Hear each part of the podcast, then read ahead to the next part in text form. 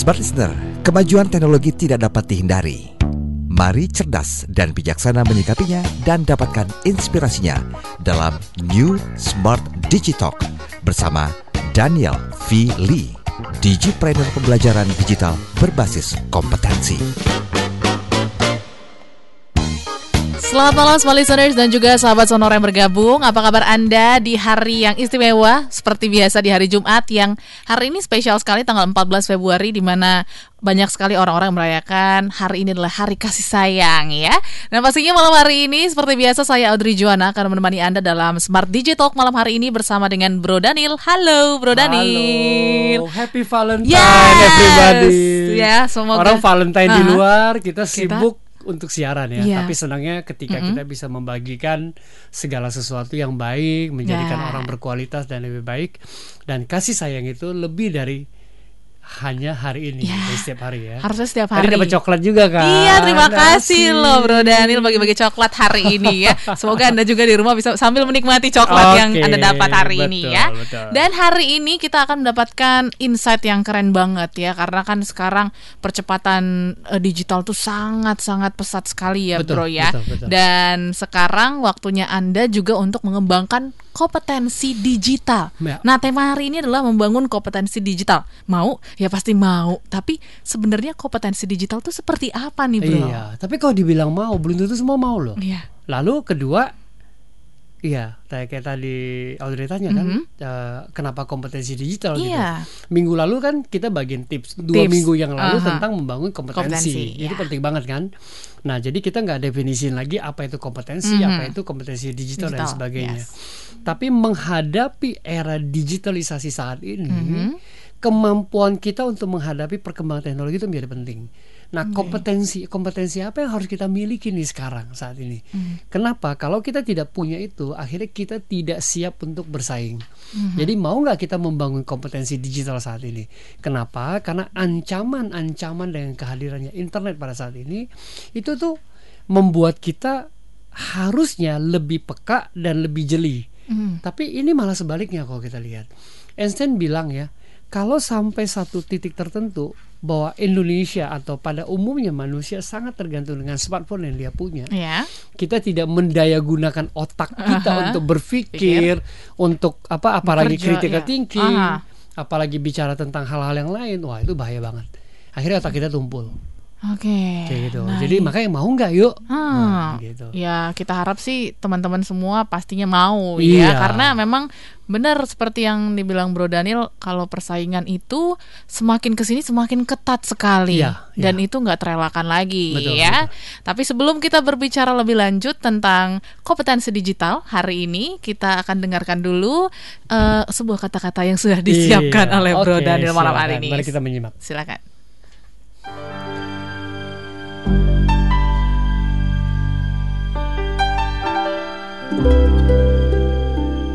Membangun kompetensi digital. Mau? Kenapa mau? Malu kan kalau melihat seorang anak yang belum bisa baca saja, mereka mempunyai kemampuan untuk mengoperasikan smartphone, bahkan lebih fasih dari orang dewasa. Tentunya hal tersebut menjadi hal yang biasa pada saat ini. Nah, hal ini harus kita sadari betul. Karena hal yang terkait dengan kompetensi digital adalah tidak mudah bagi orang-orang dewasa. Kebutuhan akan kompetensi digital ini dikarenakan pengembangan kemampuan komunikasi, kolaborasi, kapasitas berpikir kritis, dan kemampuan memecahkan masalah serta rangsangan bagi upaya menumbuhkan kreativitas dan inovasi saat ini menjadi sangat amat diperlukan.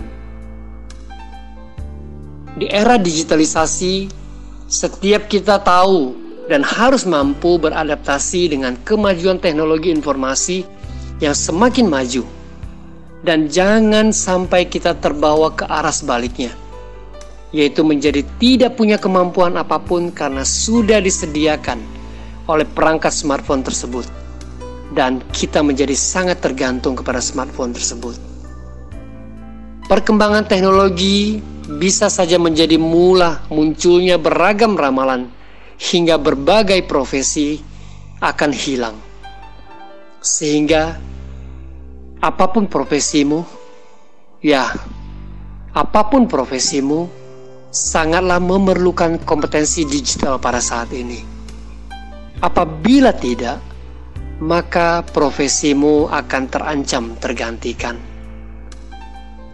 Kompetensi digital sudah menjadi sebuah keharusan, bukan lagi sebagai sebuah pendukung. Sehingga keterampilan, pengalaman, dan pengetahuan pemanfaatan teknologi digital yang tergabung menjadi sebuah pengetahuan atau knowledge dan menjadi sebuah kompetensi menjadi sangat penting untuk dikuasai oleh kita. Dan menurut Tony Zambito dikatakan, instead of using technology to automate processes, please think about using technology to enhance human interaction. Menarik bukan? Hal inilah yang dapat mengajak kita untuk kembali melihat bahwa kompetensi digital sudah menjadi kebutuhan setiap kita untuk bisa menjadi pribadi yang tahu bagaimana memanfaatkan perkembangan teknologi untuk membangun diri menjadi bersosial, cerdas, dan berkualitas.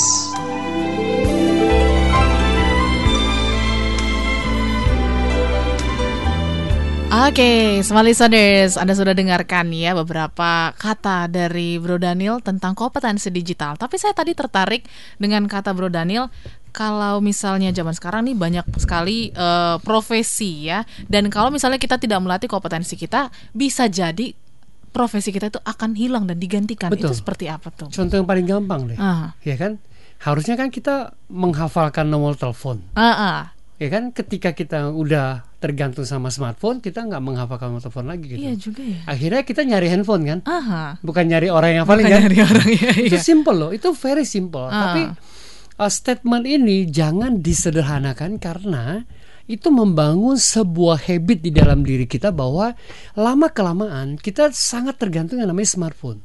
Mm -mm. Ada apa-apa langsung Google. Bangun tidur. Ada apa? Iya. Dari bangun tidur sampai kita tidur mm. lagi, handphone handphone, handphone terus, terus gitu kan. Uh. Akhirnya kita tidak mengajar mengajak otak kita untuk berpikir. Tadi disampaikan bahwa menariknya, saya saya pengen mengutip apa yang dikatakan oleh Tony Zambito dikatakan hmm. bahwa instead of using technology to automate all the processes, dibilang hmm. coba pikirkan kenapa kita nggak menggunakan teknologi to embrace, to enhance, bukan embrace, to enhance human interaction. Yeah. Jadi uh, itu kan tools ya, uh. teknologi kan tools, tapi bisa lo dipakai untuk enhance human interaction Yeah, Artinya yeah. di di saat ini kita bicara tentang kompetensi digital adalah saya ingin mengajak kita semua yes benar saat ini teknologi maju kita punya smartphone punya internet kita tahu semua hal mm-hmm. yuk kita bangun sebuah kompetensi digital bahwa itu kita pakai untuk membangun diri kita pribadi kita lebih berkualitas okay. artinya kita tidak menukarkan apa yang menjadi fungsi otak kita untuk berpikir, mm -hmm. creative thinking, interaction dan lain sebagainya, humanity di dalam diri kita sebagai mm -hmm. manusia itu tidak digantikan oleh oleh si smartphone, si smartphone itu. tadi. Nah itu yang menjadi penting. Hmm. Pertanyaannya gimana? Uh, bukan hanya mau gitu. Mm -hmm. Pertanyaan harus gimana ya caranya? Gimana caranya supaya kita tidak tergantikan betul, dengan karena, hal itu? Betul, karena by hmm. default. Hmm ketika semua orang pegang smartphone, semua orang udah asik sendiri. Iya, nggak peduli lagi kanan dirinya. Lagi, kayak uh -uh. gitu. Coba gini deh uh, Audrey bayangkan kalau sehari Audrey nggak pegang smartphone sama uh -huh. sekali terus mau ngerjain sesuatu Aduh. mau apa uh, nulis mau, sesuatu yang ya, baik sebenarnya Kenapa? Karena tidak terlatih karena semua itu ada iya. di smartphone. Benar. Orang tuh banyak sekarang lebih mending ketinggalan dompet daripada handphone. Betul. Bukan hanya ketinggalan uh, pacar. Iya, biarin deh pacarnya, yang penting yeah, handphone di bawah. Gitu handphone ya. di bawah kayak uh. gitu. Nah, coba dulu kalau kita beli handphone masih mahal, dulu sebuah smartphone dan sebagainya. Mm -hmm. Kalau kita mau dapetin sesuatu kita cari sampai dapet. Yes. Nah, kesenangan itulah yang sekarang udah nggak ada. Udah agak karena semuanya ya? sangat mudah mm -hmm. tanpa mikir. Mm -hmm, tanpa benar. mikir kayak gitu ya kan. Bahkan sekarang contoh misalnya Andre oke okay, sekarang Valentine ya yeah. wah pengen cari tempat makan yang enak romantis di mana ya oke okay. kita tinggal masuk ke Google kita cari, cari. dapat gitu uh -huh. udah tahu tinggal kasih ke map mapsnya nyampe di mana? Ya. nah while uh, Audrey duduk di mobil sampai ke lokasi, uh -huh. Audrey akan sibuk dengan semua smartphone-nya. Ya, sampai benar. di sana. Uh, uh, Tadi lewat mana ya? Nggak tahu. Nggak tahu. Yang penting nyampe. Yang penting nyampe kayak gitu kan. Nah, itu yang membuat bahwa kita tidak mikir sama sekali. Mm. Otak itu tidak difungsikan tidak dilatih, untuk ya? bekerja semaksimal uh. mungkin. Kalau okay. dulu sebelum smartphone, kita diajak tuh untuk memikirkan mm -mm. lewat mana, berapa lama, apa dipakai, pakai nyasar-nyasar segala uh. macam. Sehingga waktu kita sampai mm -hmm itu value-nya lebih tinggi dibanding Kepuasannya. dengan kepuasan beda. Ya. Itu sih. Iya memang benar disadari ya. Ternyata banyak membuat hal-hal itu bergeser ya. Betul. Mungkin saya sama Audrey beda 10 10 tahun generasi kali ya. Ada lebih kali ya. Iya. Atau 20 tahun jangan-jangan oh, ya. 96. Gimana? 96. Oh ya? Yes. Saya 72. Oke. Okay. Berarti ya segitulah ya. nah, uh, saya generasi yang boleh sangat menyenangkan kenapa karena saya udah hmm. ngalamin generasi-generasi yang sangat konvensional okay. kemudian transisi ke Aha. generasi yang sangat otomatis yes. jadi saya ngalamin tuh semuanya mungkin Audrey belum pernah lihat pita kaset ya pita kaset pernah, pernah. Pak Walkman pernah gitu, seperti itu kan ya? Ya Walkman ya, gitu. Ya, pernah, itu ya. pernah. Tapi, tapi masih kecil, kecil banget, banget gitu kan. Uh. Nah itu kita udah seneng banget dulu punya Walkman yeah. gitu kan. Sekarang Spotify, uh. sekarang Juke, iya, gampang tinggal, tinggal milih, tinggal, tinggal milih. bisa dipindah-pindah. Pindah-pindah kayak gitu Aduh. kan. Nah itu beda banget experience-nya yeah. dan beda banget ketika kita menggunakan alat-alat yang dulu sama yang sekarang. Mm. Nah di sini di kita bicara tentang kompetensi digital adalah mengajak kita untuk mengutilisasi semaksimal mungkin otak kita mm -hmm. untuk bekerja dengan baik. Sehingga kalau kita menggunakan semua kecerdasan yang kita punya sebagai manusia, mm itulah yang tidak akan pernah bisa digantikan.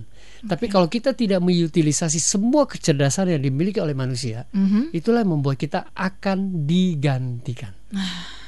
Digantikan dengan ya kecanggihan-kecanggihan yang ada yes, ya. Yes. Nah, smart listeners dan juga sahabat sonora bergabung gimana menurut Anda?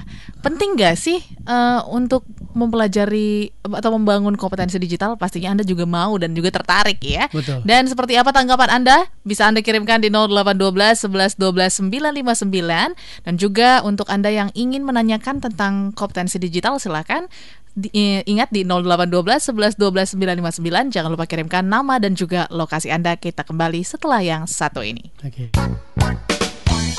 Tetaplah bersama kami New Smart Digital bersama Daniel Fili.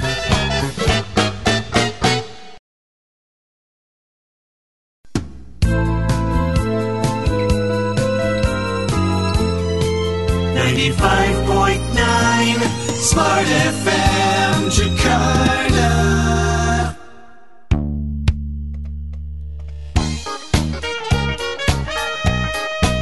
Kembali Anda ikuti New Smart Digital bersama Daniel Fili. Ya, smart listeners dan juga sahabat sonora bergabung kembali lagi dalam Smart Digital malam hari ini bersama Bro Daniel dan kita masih membahas tentang membangun kompetensi digital mau Semoga mau ya. nah tadi kita sudah bahas uh, beberapa hal tentang kompetensi digital dan juga di uh, insert tadi sudah ada dijelaskan sedikit ya tentang beberapa kompetensi yang dibutuhkan sekali di zaman sekarang. Salah satunya tadi ada critical thinking, kreatif dan lain sebagainya. Itu bisa Nah sebenarnya itu ada lima hal Audrey dan uh -huh. juga smart listener dan pendengar sonora bahwa kalau saya mengacu kepada DICOM 2.0 ya dari European uh, Commission di hmm. tahun 2015 dikatakan bahwa setidaknya terdapat lima kompetensi digital yang dapat diupayakan. Oke, okay, apa aja tuh lima? Tahu nggak yang pertama? Apa tuh? Pertama tuh dibilang informasi dan literasi data. Aduh, itu kayaknya apa kita ya? butuhnya Google aja gitu. Iya, Google. Kenapa? Aha. Tapi sebenarnya itu lebih dari Google. Ketika kita bicarakan informasi dan literasi data itu adalah -huh. satu kompetensi yang meliputi kemampuan untuk mencari, okay. memilih memilah, menyeleksi, mengevaluasi sampai mengelola data. Oke, jadi ketika dapat data itu bukan asal mentah-mentah ditelan tapi kita yes. bisa seleksi nah, lagi datanya. Kemampuan yang kita sebut dengan kompetensi digital ini adalah uh -huh. bagaimana kita mencari, okay. memilih, memilah, menyeleksi dan mengevaluasi. Lima. Uh. Jadi okay. tadi saya ulang ya, mencari, memilih, memilah, menyeleksi dan, dan mengevaluasi. Kenapa? Karena once kita ketik di Google mm-hmm. itu banyak banget, banget yang uh. akan datang. Lalu gimana cara kita memilih? Nah sebenarnya Google sendiri membantu kita top 5, top 10 kita yeah. bisa lihat. Tapi pertanyaannya adalah apakah itu masih relate dengan apa yang kita butuhkan? Yeah. Apakah itu masih sesuai dengan apa yang kita butuhkan? Apakah hmm. itu benar-benar source-nya bisa dipertanyakan apa dipertanggungjawabkan atau enggak? Yeah. Lalu dari lima yang tadi, yang paling penting ternyata bukan berhenti di situ tuh. Mm. Adalah ketika kita mengelola data itu menjadi sebuah informasi. Okay. Nah, lucunya banyak mm. dari kita tahu data tidak tahu informasi. Yeah. Atau punya data uh -huh. tapi tidak tahu itu menjadi sebuah informasi. informasi. Nah, itulah keterampilan yang paling pertama, yang paling utama dimiliki. Jadi kadang-kadang hmm. kita cuma lihat-lihat-lihat ini apa sih ini apa oh, sih. Ya kadang-kadang, nah hmm. yang paling mengenaskan adalah yang berlawanan dengan ini kompetensi apa kita punya. Kompetensi cut and paste. Iya. saya nyebutnya kompetensi loh ya. Iya. Itu juga perlu skill uh. loh karena banyak, masih banyak orang tidak tahu, "Hah, cut and paste apa tuh?" Yeah. Ya kan? Dia cut and paste tapi dia tidak tahu penempatannya, tidak tahu cara mm -hmm. pakainya, tidak tahu bukan tidak tahu, tidak bisa me, uh. mempertanggungjawabkan. Yeah. Itu dari mana, Bro? Asalnya. Uh. Itu data siapa? Yeah. Kapan? Gunanya untuk apa? Informasi apa yang disampaikan. Nah, kompetensi pertama tadi adalah bagaimana informasi dan literasi data itu sangat hmm. penting karena saking banyaknya kita dituntut untuk pandai-pandai memilih, memilih ya. punya skill untuk memilah. Nah, uh. sedangkan yang kedua adalah komunikasi dan kolaborasi. Komunikasi dan kolaborasi. Ya, apa tuh komunikasi dan kolaborasi? Uh. Kita bicara kompetensi ini meliputi keterampilan berinteraksi, berbagi, berlibat dan bekerja sama melalui teknologi digital. Oke. Okay menarik ya ketika ngomongin berbagi, berlibat gitu ya. Berlibat tuh saling iya, terlibat. Iya, uh. Lalu bekerja sama melalui teknologi digital. Banyaknya penyebaran hoax. Oke, okay, uh -uh. itu menunjukkan Anda tidak kompeten. Ya karena Anda tidak bisa memilih yang tadi. dan mengevaluasi yes, ya. Dan okay. tidak tahu ketika saya menyampaikan tadi mm -hmm. informasi apa yang akan tersampaikan mm -hmm. dan akan membuat reaksi apa. Dampaknya. Dampaknya. Mm -hmm. Nah, lalu yang kedua tadi kan dibilang komunikasi dan kolaborasi. kolaborasi. Nah, bagaimana keterkaitan interaksi tadi gitu sebenarnya. Mm. Jadi ketika saya membagikan itu hubungannya apa ya? Itu reaksinya apa ya itu keterkaitannya apa ya gitu okay. itu keterlibatannya apa ya mm -hmm. kayak gitu nah itu penting banget sehingga komunikasi dan kolaborasi itu menjadi sangat penting contoh uh, saya punya Instagram oke okay. saya lagi ngejar untuk punya seribu follower. Wah, Wah seneng kan? Seribu mungkin, ah cuma seribu bro. Tapi seribu berkualitas. Iya dong. Seribu orang yang, pilihan, jangan sembarangan. Beli gitu, ya. Kan? Nah, uh. waktu saya membagikan konten okay. itu harus tahu nih menggambarkan jati diri saya siapa, hmm. menggambarkan apa yang saya kerjakan, menggambarkan apa yang saya lakukan, menggambarkan apa yang menjadi kegiatan saya sehari-hari. Hmm. Jadi nggak sembarangan. Yeah. Kayak gitu. Nah, itu menunjukkan bagaimana kita mempunyai satu kompetensi komunikasi dan, dan kolaborasi. kolaborasi. Jadi kita hmm. kita berkolaborasi yang seperti, seperti apa. apa. Nah, itu penting banget. Yang ketiga, hmm. kemampuan menciptakan konten digital. Nah, nah ini, ini lagi heboh banget. Selebgram, youtuber dan lain sebagainya itu nah, pengen itu semua konten provider, ah. itu semua konten creator. Digima okay. Asia juga konten creator, okay. gitu kan. Tapi ah. pertanyaannya, kita lihat orang kecelakaan di jalan, lalu kita foto ataupun kita bikinin video, kita kirim itu udah konten kok. Iya, udah konten. Tapi, Tapi positif atau negatif? Nah, itu nah. belum ngomong positif negatif okay. loh. Pertanyaan pertama aja kalau kita bicara kompetensi, mm -hmm. ketika dia melakukan, dia tahu nggak apa yang dia lakukan? Oke. Okay kalau uh -huh. dia nggak tahu, itu bukan kompeten. Minggu lalu kita bahas. Ya. Kalau dia ya dia just do it. Dia gitu. dia nggak paham. Dia nggak ya. paham. Uh -huh. Ya itu kita nggak nyebutnya konten dari sisi pembuatnya. Ya. Tapi mm. ketika dia tahu nih, oh uh, ketika saya uh, ngambil foto ini atau video ini tujuannya adalah supaya uh, diviralkan semua orang tahu yeah. bahwa ada kejahatan seperti ini. ini. Nah itu mm. konten. Okay. Itu konten. Lalu dia rekam, dia sebarkan, dia viral lewat sosial media namanya hmm. konten digital. Okay. Tujuannya apa? Dia tahu persis untuk diviralkan supaya kejahatan ini nggak keluar, tidak ter ter terulang lagi. Tapi konten yang positif seperti -hmm. itu. Menjadi konten negatif adalah konten yang sekarang belakangan banyak banyak banget nih iya. prostitusi yeah. online. Nah, nah itu, itu konten tuh kan. Nah dia tahu banget nggak tujuannya tahu tujuannya adalah untuk sesuatu yang jahat mm. seperti itu. Jadi kemampuan untuk menciptakan konten digital itu penting banget karena ini ber, berkaitan dengan berbagai keterampilan untuk pengembangan, mm. integrasi, apa elaborasi konten, apa konten digital gitu. Kompetensi ini memang mencakup pemahaman seseorang terhadap sesuatu untuk dijadikan sebuah materi yang akan disampaikan secara digital. digital okay. Kayak gitu. Nah, ini penting banget.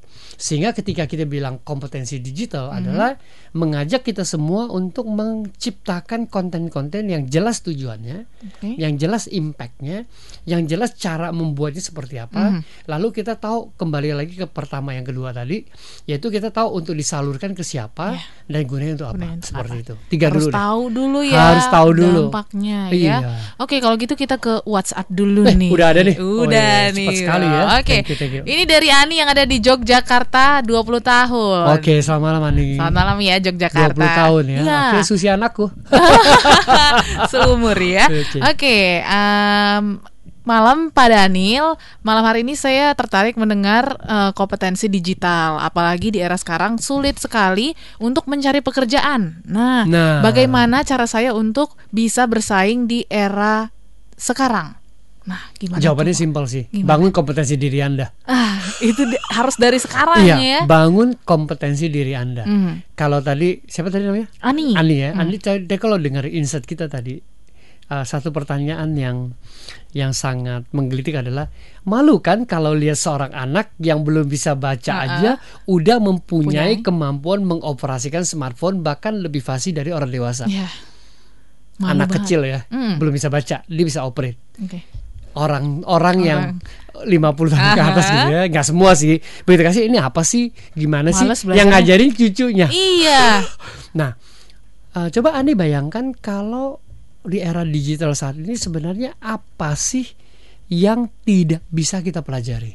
Okay. semuanya ada. Semuanya, semuanya ada. tersedia. Mm di umur Ani yang 20 tahun saat ini yang harus dilakukan Ani adalah googling minggu lalu kita udah iya, udah harus mencari tip, dulu ya. mencari ha? dulu hal-hal yang relate dengan apa yang menjadi sukanya, okay. hobinya, tujuan hidupnya Ani mm-hmm. untuk dilakukan dan tekuni itu. Kemudian kan kita juga punya tip yang ketiga, belajar, belajar. dari orang yang gagal. gagal dulu. Kayak okay. gitu. Habis gagal kita coba. Mm-hmm. Begitu coba pasti gagal. Nah, gagal itu kita oh ya kemarin gagal ya. Kita belajar dari orang gagal kan kita bangkit mm. lagi. Lalu besok kita belajar dari orang yang sukses gitu. Yeah. Nah, belajar orang yang berhasil dan sukses. Oh ya, ternyata bisa berhasil kok. Mm-hmm. Nah, itu diulang terus saja. Saya nggak tahu di umur 20 tahun ini Anik sudah menekuni apa. Yeah. Belajar apa? Kenapa? Karena yang saya mau segaris bawahi adalah di saat ini saya paling tidak suka uh, mendengar orang mengatakan aduh pak bro saya nggak bisa nih nggak ada nggak bisa nggak ada ya bisa atau nggak bisa itu sangat tergantung kepada diri kita sendiri ya. kenapa karena era internet Anik mau cari apa aja tentang ada. apa aja pasti ada. Semuanya ada. Semuanya ada. Uh-huh. Contoh, kemarin saya beli sesuatu gitu ya terkait dengan sepeda. Okay. Saya lagi hobi sepeda karena uh-huh. lagi pengen belajar ngayu kan. Okay. Lalu uh, waktu saya beli satu alat apa trap apa apa uh-huh. kayak soletip gitu loh. Oke, okay, untuk nah, sepedanya. waktu saya uh-huh. sepeda tuh saya buka kok nggak ada petunjuknya gitu ya gimana oh, makanya iya gitu makanya langsung sambil makan McDonald gitu okay. kan saya lihat di YouTube wah uh. ternyata lengkap banget akhirnya Udah saya bisa lakukan sendiri ya? okay. tutornya ada uh. nah itu contoh yang sederhana sebenarnya ada yang membuat itu tidak ada adalah kemauan kita ability kita yeah. untuk mencari tahu untuk apa uh, mencari effort lebih yang tadi dibilang bahwa pertama kali mm-hmm. yuk kita memilah informasi itu oh, yeah. memilih untuk apa yang pakai buat kita saya lihat beberapa ibu-ibu yang kesulitan mm-hmm. untuk mengajarkan anak-anaknya kayak gitu. Okay. Ibu yang cerdas adalah ketika dia masuk ke Google dan dia cari alat bantu itu untuk mm. mengajar ke anaknya. Dan maaf, ibu yang males susah nih nggak bisa yaudah kamu lakukan sendiri deh belum gitu. dicoba iya belum dicoba padahal kita hidup di dunia yang sama era yang sama punya smartphone yang sama punya hak akses internet mm -hmm. yang mhm. sama gitu jadi kembali lagi ke ability, kemampuan, kemauan seseorang melakukan itu lebih atau enggak. Jadi saya mendukung hmm. Ani lakukan uh, cari tahu dulu apa yang menjadi kesukaan hobi Ani dan sebagainya. Yeah. Kemudian googling dapatkan begitu banyak informasi, belajar dari orang gagal, praktekkan lalu cari orang yang berhasil, belajar dari mereka, kemudian ulangi terus ulangi terus pasti Anda jadi kompeten. Yeah. Yang penting jangan selalu tergantung sama smartphone. Nah, itu. Ukurannya adalah kita lebih banyak berpikir atau smartphone-nya lebih banyak berpikir dari kita. Itu dia. Kadang kebanyakan smartphone-nya karena kita Iya, smartphone kayak, suruh pikir sampai oh, panas, hang. Iya, benar tuh sering banget. Orangnya yang punya smartphone nggak mikir-mikir. Nah, itu. Tanya marah-marah doang gitu ya. Iya kan. Jadi apa-apa cari di Google, yes, apa-apa yes, Google yes. Maps dan betul, lain sebagainya. Betul, betul. Karena ya itu karena kebiasaan ya bro jadi kayak udah jadi kebiasaan ketergantungan, ketergantungan itu ya, tanpa benar. kita sadar itu kita udah tergantung loh Aha. buktinya apa ketika kita tinggalin handphone kita akan cari handphone kita. Hmm. Itu bukti ketergantungan kita. Yeah. Nah, yuk kita membangun sesuatu yang harusnya kita tidak tergantung sama si smartphone tadi sebenarnya. Hmm. Itu sih. Waduh. Mudah-mudahan menjawab Ani ya. Ya, semoga bisa membantu Ani supaya bisa bersaing ya di era yang aduh, sekarang cari kerjaan tuh memang susah sekali betul, sih. Betul, betul. Tapi kalau kita punya kompetensi pastinya kita bisa mendapatkan yang terbaik betul, ya. Betul. Oke, semangat Ani dan pastinya untuk smart listeners lain ataupun sahabat Sonora yang sudah bergabung, kami tunggu respon Anda malam hari ini di 0812 11 12959 untuk Anda yang ingin meresponi topik hari ini ya membangun kompetensi digital mau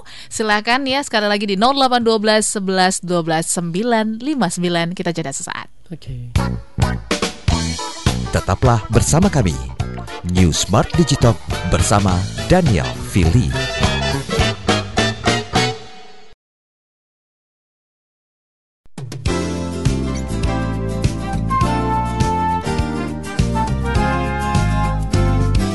Ninety-five point nine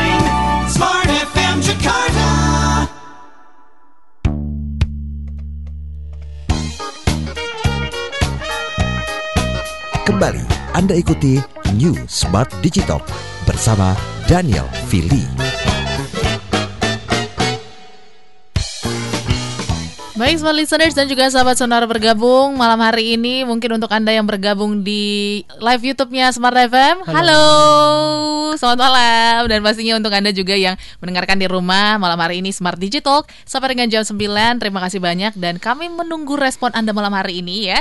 Silakan untuk anda yang merespon topik malam ini membangun kompetensi digital mau silahkan di 0812 11 12 959 ya. Hmm. Tadi kita sudah membahas tiga tiga uh, kompetensi, kompetensi ya. ya ada literasi terus juga kom komunikasi dan kolaborasi dan juga menciptakan konten selain itu apalagi nah nih, bro? sebenarnya kita punya dua lagi hmm. yang keempat ya adalah keamanan keamanan iya. keamanan gimana tuh nah, aneh kan? Huh, Jadi kalau kita bicara tentang keamanan ada termasuk kemampuan menjamin perlindungan terhadap apa uh, materi, data, informasi, kerahasiaan dan berbagai macam apa yang kita punya. Oke. Okay. Nah itu sebenarnya agak uh, terkait juga dengan kompetensi yang pertama tadi tentang mm. apa uh, bagaimana kita men, literasi, apa, ya?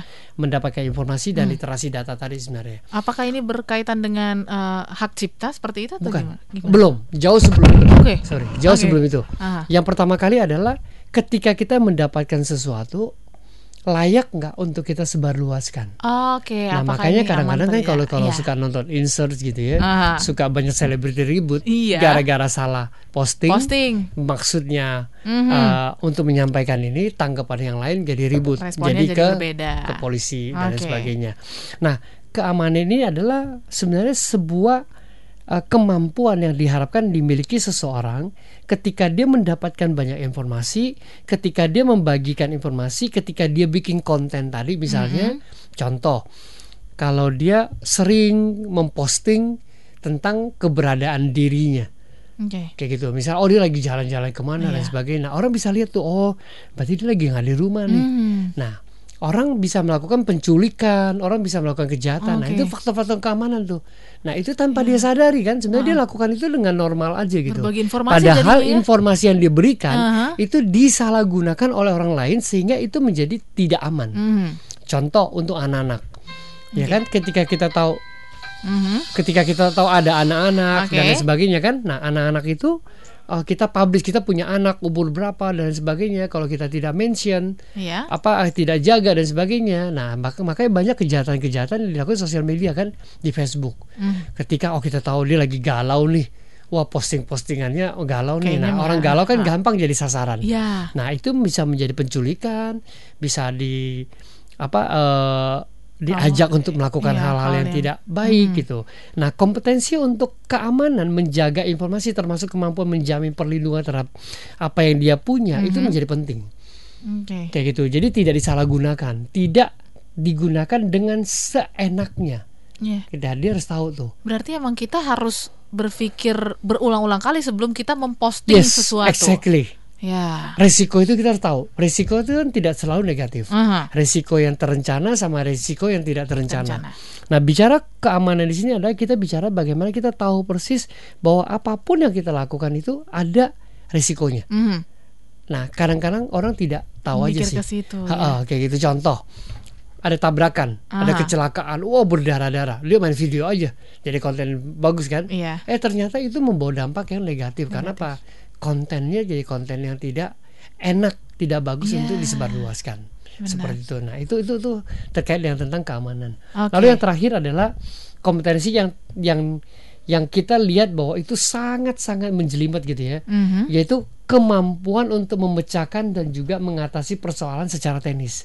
Nah, ini mampu mengidentifikasi kebutuhan dan respon teknologi yang diperlukan kreativitas dalam penggunaan teknologi digital mm-hmm. harus mampu mengidentifikasi kekurangan teknologi digital. Kenapa? Yang bagian kelima ini memang agak jelimet. Okay. Kemampuan memecahkan dan mengatasi persoalan secara teknis. Sebenarnya ketika kita tahu bahwa digital ini harus bisa bisa kita pakai untuk membantu kita untuk memecahkan masalah-masalah kita. Untuk membantu kita untuk mendapatkan begitu banyak informasi yang bisa membantu kita untuk menyelesaikan apa yang sedang kita hadapi saat ini. Okay. Jadi kita punya kemampuan bahwa itu bukan hanya sekedar uh, data ataupun informasi, tapi hmm. bisa membantu kita untuk mencari masalah. Kesulitan-kesulitan kita alami contoh. Uh, saya lagi contoh deh paling umum uh -huh. saya bikin proposal gitu ya. Okay. Kadang-kadang kehabisan ide nih. Uh -huh, mentok. Nah, mentok uh, kita butuh beberapa referensi iya. atau ketika saya ngajar ke training memberikan hmm. materi dan sebagainya kita perlu beberapa bahan. ide yang nah itu sebenarnya membantu kita untuk mencahkan berbagai masalah yang kita hmm. punya. Nah itu cara kita mengutilisasi itu untuk mendapatkan itu kan tergantung di saat pertama tadi iya. memilih, memilih literasi data, ya. memilah dan sebagainya makanya kita pakai kan ah. sampai membuat sebuah konten. Nah ini saling berhubungan tuh ya, kelima hal ya. tadi semuanya jadi nggak gitu. bisa dipisah-pisah nih ya, ya bro ya betul nah itu kalau kembali hmm. lagi pertanyaan si Ani tadi kan oke okay. ketika kita bisa memilih ketika kita bisa menjadikan itu sebuah informasi -hmm. gitu ya sampai ketika kita bisa mengkomunikasikan itu dengan baik, baik.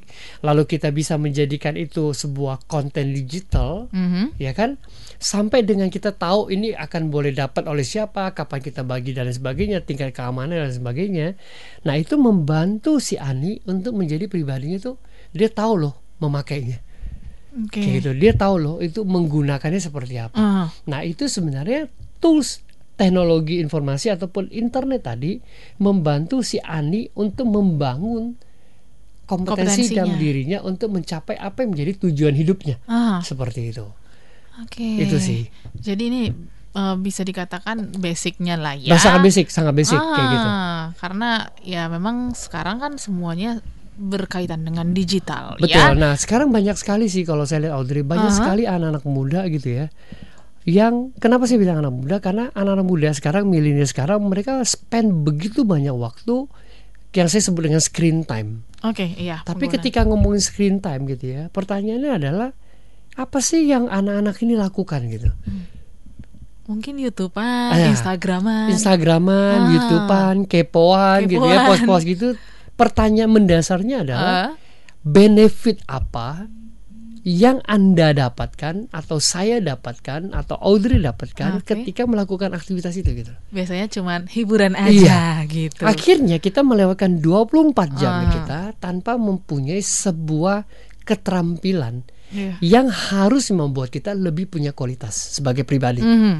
Akhirnya ketika sampai umur 20 tahun seperti Ani tadi, yeah. pertanyaannya 20 tahun gue bisa apa ya? Nah, itu banyak banget. Anak yang nggak bisa baca uh -huh. udah bisa operate nih. Gue bisa apa ya? Mm -hmm. Padahal untuk bisa apa, semua ada tangan kita gampang banget gampang banget gitu kayak tadi saya kasih contoh kan saya beli satu alat sepeda ya. saya nggak tahu cara makainya saya ke YouTube saya lihat saya cari ah, referensi yang sesuai ada saya latihan saya pakai saya bisa bisa ah. kayak gitu ya kan dua minggu lalu saya bicara tentang bagaimana anak saya nggak pernah bisa masak mm -hmm. ketika dia studi di overseas dia belajar masak Terpaksa dia pulang gitu ya? bisa masak iya gitu. gitu jadi memang Ya, Tapi ada kita... juga anak yang tetap nggak mau masak, dan nggak bisa masak. Kenapa? Karena dia nggak mau masak. Iya, emang dari kemauan dulu yes. yang utama Kayak ya gitu. kan, bro ya. Dan banyak juga uh, seperti ponakan saya gitu ya. Dari handphone aja dia sudah lancar sebelum sekolah dia sudah lancar berbahasa hmm, hmm, Inggris hmm, gitu.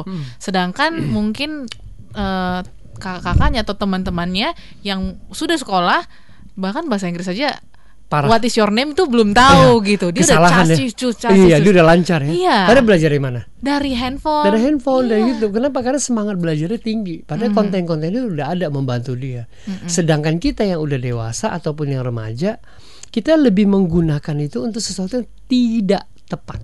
Yeah. Sebenarnya. Lebih kepada sesuatu yang tidak tepat. Contoh deh. Kita main game. Okay. Main apa? Mobile Legend. Mobile gitu. Legend lah ya. Ujungnya apa sih? Ujungnya ya udah tanding-tanding aja gitu kan iya. biasanya ya? Jujurnya gitu. Uh. ya saya tahu ujungnya apa? Ujungnya, ujungnya. adalah yang pasti anda menghabiskan waktu. Mm -hmm. waktu itu nggak akan bisa diganti lagi. Nggak ada nggak bisa kembali. gitu. ya untuk iya. apa? Nah yeah. itu yang harus dipertanyakan gitu. Ya kan? Kita bisa memilih kok. Sebenarnya buk saya nggak bilang bahwa eh main Mobile Legend tuh nggak boleh. Bukan. Oke. Okay. you tahu nggak? Kita tahu nggak? Kita semua tahu nggak? Itu gunanya untuk apa itu menambah sejengkal kecerdasan kita nggak? Mm. Itu menambah sejengkal apa kualitas diri dalam diri kita sebagai manusia nggak? Yeah. Ya kan kalau itu tidak tinggalkan. Mm -mm. Kenapa? Karena setiap orang punya 24 jam yang sama, umur tidak bisa ditebak, kita punya waktu tertentu, tapi coba bayangkan.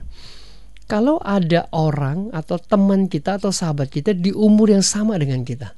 Okay. Lalu ternyata kualitas hidupnya jauh di atas kita. Wah pasti kita iri malu banget. kan kok saya nggak bisa apa-apa iya. ya gitu jangan jadi jealous uh -uh. gitu tapi harus jadi itu motivasi gitu iya. kenapa dia bisa ya kok saya pertanyaannya adalah bagaimana supaya saya bisa kayak dia iya. kompetensi digital nah itu membantu dia untuk lakukan itu Berarti yang pertama adalah sadar diri dulu. Sadar ya. diri dulu. Iya. Sejauh apa kompetensi kita saat ini? Apakah memang stuck di situ saja atau uh, sudah lagi berproses atau memang Anda sudah memiliki kompetensi itu. Betul, betul. Kalau kita bicara tentang Disma di Digitalk yang mm -hmm. saya sukai adalah kita tidak bicara tentang hardware. Yeah. Kita tidak bicara tentang software, kita tidak bicara tentang aplikasi atau apa pun. Yang kita bicarakan adalah digital teknologi as a tools buat kita. Yeah. Yang menentukan itu tools bermanfaat atau tidak itu tergantung kitanya, tergantung manusianya. ya. Jadi saya selalu mengajak yang harus kita beresin itu mindset ya kita. Mm -mm. Yang harus kita beresin itu adalah bagaimana pola pikirnya kita. Ya. Seperti itu maka tagline kita kan adalah Smart Digital membangun, membangun manusia sosial, sosial cerdas, cerdas berkualitas. berkualitas. Kenapa? Karena dengan adanya teknologi yang maju berkembang saat ini adalah jiwa sosial kita tuh hilang. Iya, lama-lama tuh boleh loh. mengurang gitu. Ya. Pertanyaan ya. pertanyaannya adalah uh kenapa sih, Bro? Per sosial itu penting. Sekarang coba deh kalau kita semua hidup semua sendiri-sendiri. Waduh. Tergantung handphone kita doang kayak gitu. Aduh, gak bisa. Kita ya. bisa survive. Susah. Nggak bisa uh. gitu. Karena sosial itu penting. Sosial itu membangun emosi kita, jiwa kita, yeah. interaksi kita kecerdasan-kecerdasan yang lain akan mengikuti dan lain sebagainya, membangun kualitas diri kita mm-hmm. gitu ya. Mhm. Kalau kita belajar dari Pak Hing tentang NLP, apa NLP uh-huh. dan sebagainya, itu penting banget itu untuk sosial. Iya. Kayak gitu. Itu hilang. Nah, bagaimana kalau itu hilang menjadikan kita cerdas karena nggak ada pembandingnya, nggak ada ukurannya gitu loh. Yes. Sementara, sementara karena semua tersedia di smartphone, kita tidak diajak untuk berpikir lagi gitu. Iya malah justru kalau dipikir-pikir justru menidurkan otak kita ya, ya. bro Padahal nah. udah bekerja setengah mati aja menggunakan iya. otak kita aja baru 2 sampai tiga persen ya. Iya. Apalagi nggak dipakai. Aduh, berapa tuh minus jangan-jangan ya. Semoga nggak bisa minus ya. Betul, Oke, betul, betul. nanti kita akan kembali lagi di sesi terakhir ya di oh, udah terakhir ya, cepat iya, sekali. ya. kerasa padahal ini kita masih pengen belajar nih sesuatu hmm. karena ini benar-benar berkaitan sama masa depan kita nanti seperti apa ya. Hmm. Masih di Smart Digital dan untuk Anda yang ingin mengirimkan respon atau mungkin bertanya tentang kompetensi digital silakan di 08 0812 11 12 959. Kita kembali setelah yang satu ini. Ya. Tetaplah bersama kami. New Smart Digital bersama Daniel Fili.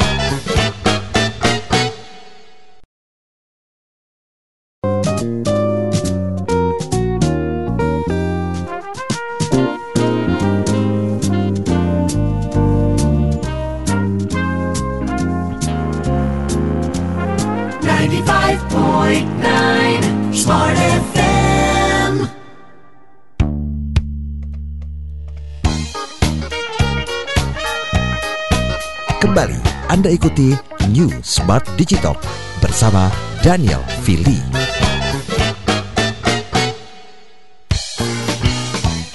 Oke masih dalam Smart Digital malam hari ini bersama dengan Daniel Fili dan kami masih memperbincangkan tentang membangun kompetensi digital mau.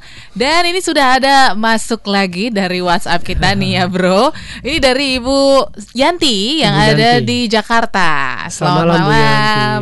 ya saya ingin bertanya tentang anak saya yang umurnya 10 tahun tapi uh, seperti yang Bapak bilang, uh, dia suka membuat konten yaitu konten yang lagi hit sekarang nih, konten TikTok. Nah, ini bagaimana uh, saya seorang ibu melihat fenomena seperti ini? Apakah saya teruskan atau seperti apa nih Pak? Silahkan. Pertanyaannya ibu bisa TikTok nggak? Nanti kolaborasi jadi. Betul kan? Uh -huh. Kalau ibu bisa TikTok, oke. Okay. Atau ibu nggak bisa TikTok, uh mhm. -huh. ya ketika lihat anak ibu bisa TikTok itu adalah satu kompetensi yang terjadi gapnya antara ibu dan anak. Okay. Lihat dulu kalau kita bicara uh, understanding, ya iya. tentang uh, kompetensi digital. Mm -hmm. Anak ibu umur 10 tahun aja udah bisa gitu. Kenapa ibu nggak bisa? Nah itu yeah. gap. Kita bicara kompetensi ya. Gap itu yang harus kita tutup. Saya nggak mm. ngomongin tentang TikToknya dulu nih. Harusnya ibu belajar supaya bisa mengutilisasi okay. smartphone yang ada di tangan ibu. Oh, gitu. Ya. ya kan kenapa? Karena anak 10 tahun aja bisa nih. Iya, bisa gitu. Nah, kita harus bisa dong karena oh. orang dewasa kan. Iya. Nah, itu gapnya. Tapi ketika ngomongin, "Pak, Bro, anak saya 10 tahun nih mm -hmm. lagi heboh dengan TikTok. Gimana ya menyikapinya?" Saya agak berat untuk menjawabnya gini loh. Uh, teman-teman di kantor juga sering tuh Lagi bikin ya, TikTok dan sebagainya.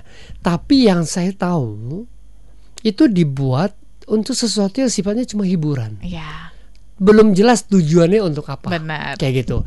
Itu sama kok dengan sebelum TikTok yang lagi heboh tuh ada satu challenge yang lagi diperkenalkan tapi ternyata itu disampaikan ke beberapa media grup gitu ya bahwa okay. ketika challenge itu dilakukan katanya bahaya beranak-anak oh, iya. karena sampai jatuhin temannya jadi tiga orang sehingga itu viral dan dibilang eh jangan dicoba ya kenapa karena itu bahaya banget mm. jadi menjatuhkan teman dia yang di tengah sehingga itu bisa menyebabkan apa kepalanya pecah atau gegar dan sebagainya karena okay. dijatuhkan Aha. seperti itu nah itu juga konten apa bedanya TikTok sama konten yang tadi diviralkan atau challenge mm-hmm. prinsipnya sama aja hampir sama tujuannya aja mm. yang berbeda mm, okay. nah pertanyaan ibu harusnya ke anak ataupun ibu menanyakan ke diri ibu apakah saya akan mengizinkan ke anak saya untuk melakukan itu. Pertanyaannya adalah tujuannya apa ya? Apa yang anak itu pelajari? Mm-hmm. Apa yang anak itu dapatkan setelah dia membuat konten tersebut? Apakah ada efeknya? Apakah yang ada efeknya? Apakah ada impactnya? Mm-hmm. Gitu kan? Apakah itu membawa dampak positif atau negatif? negatif. Nah, ibu yang tahu. Tapi menurut mm-hmm. saya sesekali untuk melakukan TikTok untuk kesenangan fine. It's okay. Tapi kalau sampai kita melakukan itu terus-terus, mm. kalau memang kita ada TikTokers, TikTokers, TikTokers, lovers ya. ya, ya kan, lover TikTokers okay. gitu kan ya, atau apalah YouTubers gitu yeah. kan ya, fine. Kenapa? Karena jelas kok tujuannya apa? Mencari uang. Ya. mencari popularitas. popularitas. Tapi hanya sebagai fans dan lain sebagainya, menghabiskan begitu banyak energi dan sebagainya. Buat saya sih patut ibu pikirkan ulang gitu. Iya. Kenapa nggak ajak anak ibu untuk membuat konten-konten video yang menularkan kebaikan, mm-hmm. mengajak anak-anak seusia dia untuk tidak membuang sampah sembarangan, okay. lalu itu diviralkan mm. gitu kan? Atau bagaimana uh, dia menjadi anak yang sopan terhadap orang tua, mm. apa yang dia lakukan? Oh belajar, sikat gigi, tidur yeah. pakai apa sebelum tidur sikat gigi, sikat melakukan apa? Kenapa enggak gitu? Oh, iya, iya, iya. Instead of dia melakukan itu sebagai TikTok kayak gitu. Mm -hmm. Gini Bapak Ibu, smart listener atau pendengar saudara, tidak semua yang pada umumnya, tidak semua okay. yang pada umumnya dilakukan, dilakukan oleh semua orang itu adalah baik. Ya, ya hati-hati. tuh. Ya, ah.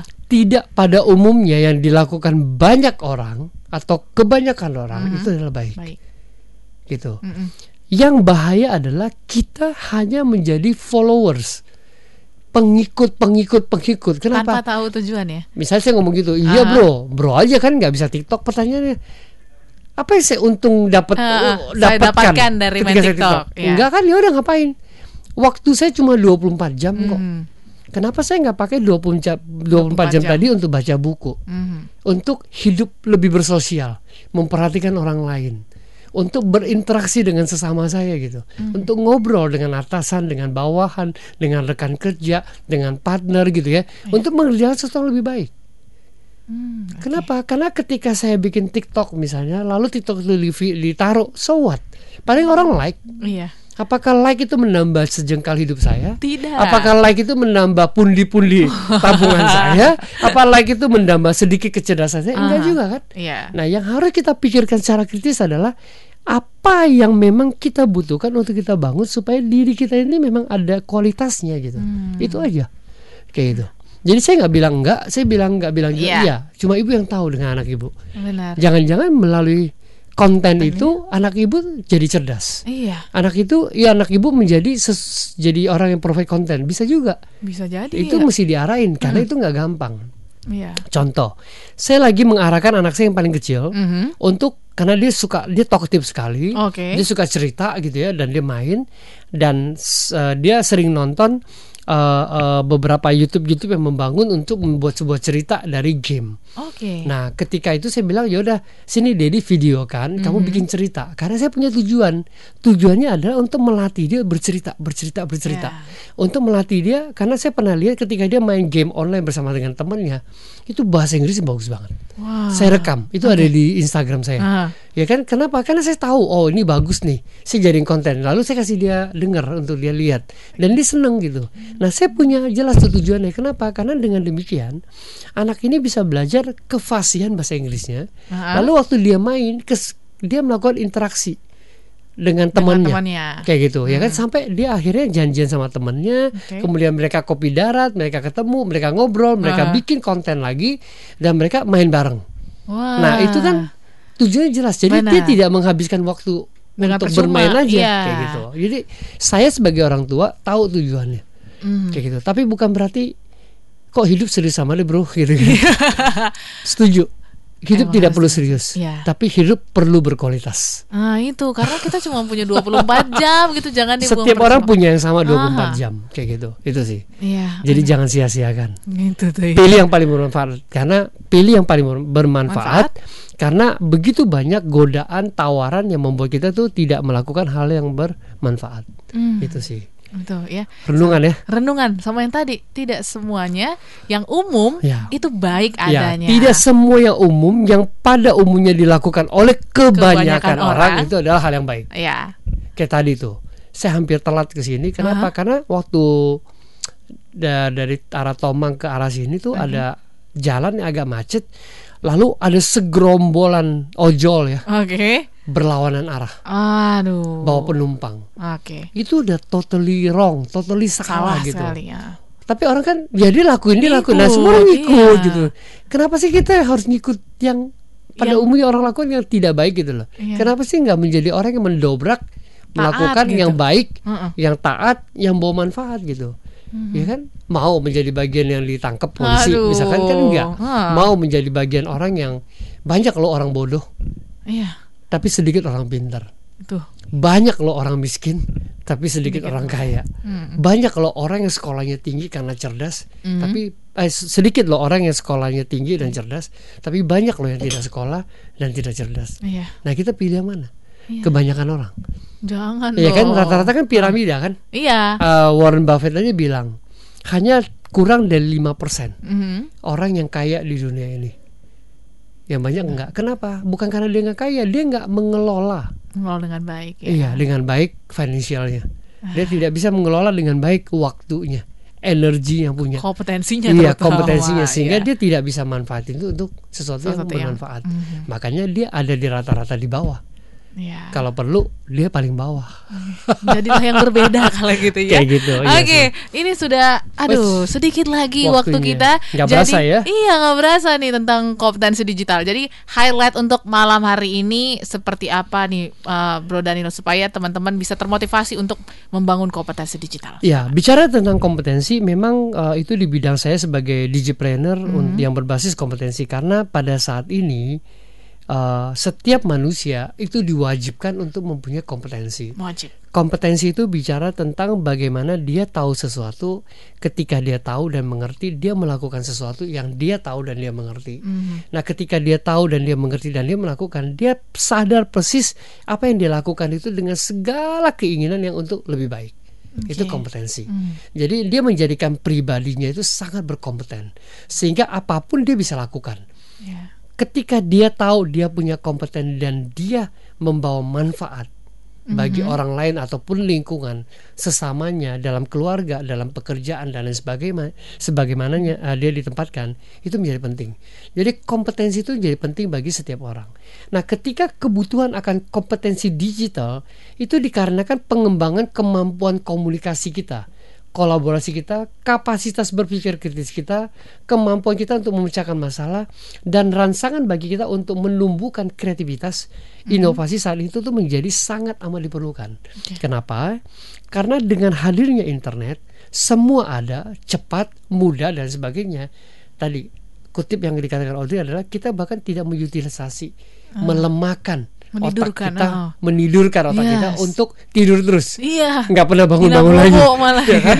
nah itu uh-huh. itu sekarang sangat penting kenapa kita harus punya kemampuan komunikasi kolaborasi kapasitas berpikir yang kritis kemampuan untuk memecahkan masalah tidak tergantung sama smartphone uh-huh. nah di era digital saat ini setiap kita harus mampu beradaptasi dengan kemajuan teknologi informasi mau nggak mau yeah. yang semakin maju dan sampai kita harus bisa membawa diri kita mm-hmm. untuk menjadikan smartphone ataupun internet sebagai tools menjadikan kita lebih bersosial, okay. lebih cerdas dan lebih berkualitas. Ya, seperti itu. Sesuai tagline kita. Iya, ya. saya selalu mengarahkan gitu. Kenapa? Aha. Karena manusia ini ciptaan Tuhan yang sangat luar biasa di antara semua ciptaan lainnya ketika Tuhan menciptakan kita kan Tuhan menciptakan manusia yang terakhir kan ya. menciptakan semua alam semesta dan sebagainya hmm. lalu dia menciptakan tumbuh-tumbuhan kemudian menciptakan binatang lalu menciptakan manusia. manusia tiga makhluk ini diciptakan